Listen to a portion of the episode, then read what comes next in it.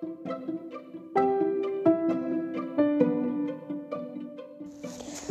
подкастыг сонсож байгаа танд энэ өдрийн мэндийг хүргэе. Хэл ба соёл хоорондын харилцаа сэдвийн хүрээнд Ано Өжим, Бац Олбоолог, Хонгор зуулнаар ярилцлага маягаар подкаст бэлтээ. Хэл нь оюуны агуу үйл өөр болохын хувьд ард түмний соёлыг тодорхойлдог.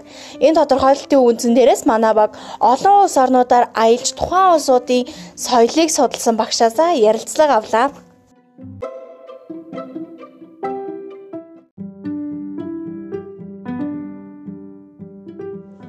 эхлэе.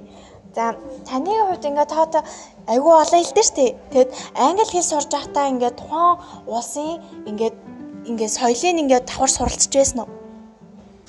Соёл нь ингээд давхар суралцж байсан уу? Англи хэл баг соёлын сурахын тулд англи хэл сурсан болов минийх миний одоо жишээн дээр ягаад тэгэхээр хуучин социалист нийгмийн үед хаалттай нийгэмд байсан тэр барууны дуу хөгжим гэдэг зүйл бол бидний хувьд аюу тийм сонирхдаг зүйл байсан хэвгүй. Тэгээ жишээ нь одоо бизнес гэж хамтлаг байна шүү дээ. Бизнес гэдэг хамтлагийн дуунд татагдаад тэрний шүлгийг ойлгохын тулд ер нь магадгүй зүгээр заримдаа ойлгохгүй зүгээр дуулахын тулд англи хэл гэдэг хэлийг баг сонирхож сурч эхэлсэн учраас миний хувьд бол баг хэл сурчаад дуу соёл гэхээсээ илүү зөвхөн соёл гэдэг маань олон зүйл байгаа шүү дээ. Хоол унд монд одоо кино мөн. Миний хувьд бол яг нөх хөгжим гэдэг тал дээр урлагийн тал дээр сонирхчихсан учраас би англи хэлийг давхцуул сурсан баг. Тэгэхээр соёлын сурж иж хэлийг сурах эсвэл хэлийг сурж иж соёлын сурах гэхээсээ илүү ер нь соёл хэл гэдэг их зүйл чинь нэг ийм цогц удах. Тэгвэл учраас альва гадаад хэлийг сурахдаа тухайн улсынхаа соёлын заавал давхар үзэх хэрэгтэй. Тэр соёл гэдэг чинь өөрөө маш их олон зүйл байгаа ш дотор нь тий урлаг, хуран сайхан, ном одоо дуу хөгжим, хоол, унд, одоо шашин гэл зөндөл юм байна. Тэгээд миний жишээн дээр бол англи хэлний хувьд л тийм байна да.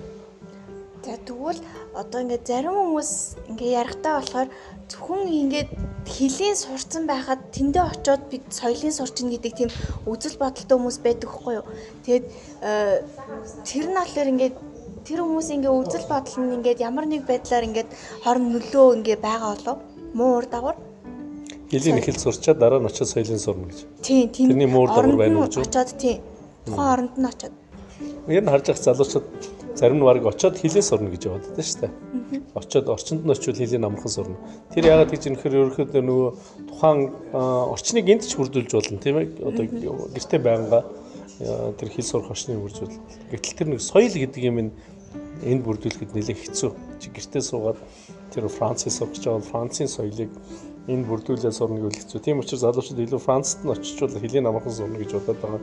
Тэр соёл нь давхар явж иж хэлийн сурдаг. Соёл гэдэг дотор сэтгэлгээ энэ айгүй чухал шүү дээ. Францаар сэтгэх, Франц хүн шиг сэтгэх, Францаар хооллох, Франц хүн шиг хооллох тийм ээ тэр болгон чинь тэр нөгөө хэл гэдэг юм чинь давхар заавал явна. Зүгээр хэлийг сурчаад энд дөрмийн те одоо ер нь бол хэлийг сурж болно ш заавал соёлын эзэмшгүй сурж сурж гэдэг нь хашлтан дотор шүү. Хэлийг сурж болно. А гэхдээ тэр хэлийг сурчаад очоод нөгөө нэг соёлын шоконд орох тохиолдлууд бас гарна. Соёлын одоо өөр байдал ондоошил. Тэгэхээр яг хуу тэнд нөх юм болохгүй гэсэн юм бол байхгүй. Эхлээд энд хилийн сураа дайлгуу дөрмийн нь бол манай багш нар их сайн заадаг шүү дээ. Тухайн гадны хэлнүүдийн.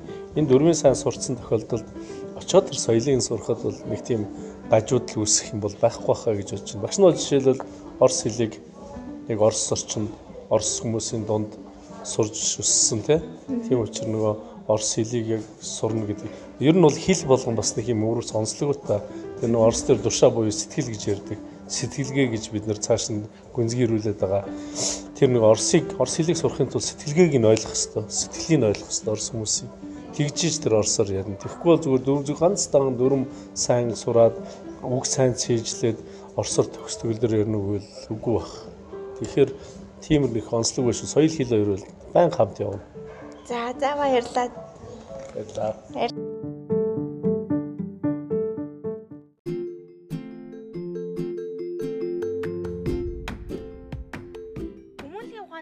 Сургуулийн олон улс нийгэм судлалын нийгмийн ахлах багш ПМ Морд орж өгчтэй хийсэн ярилцлага та бүхэнд хүргэлээ. Бидний дүгнэлт дээр хэл болон соёл нь хоорондоо саншгүй холбоотой зүйл ба хэрвээ хэлийг сүрүүлвэл соёлч мөн үхэн. Монгол хүнийг монгол хүн гэж хэлүүлэх цор ганц зүйл бол бидний монгол хэл бичиг өв соёл минь юм.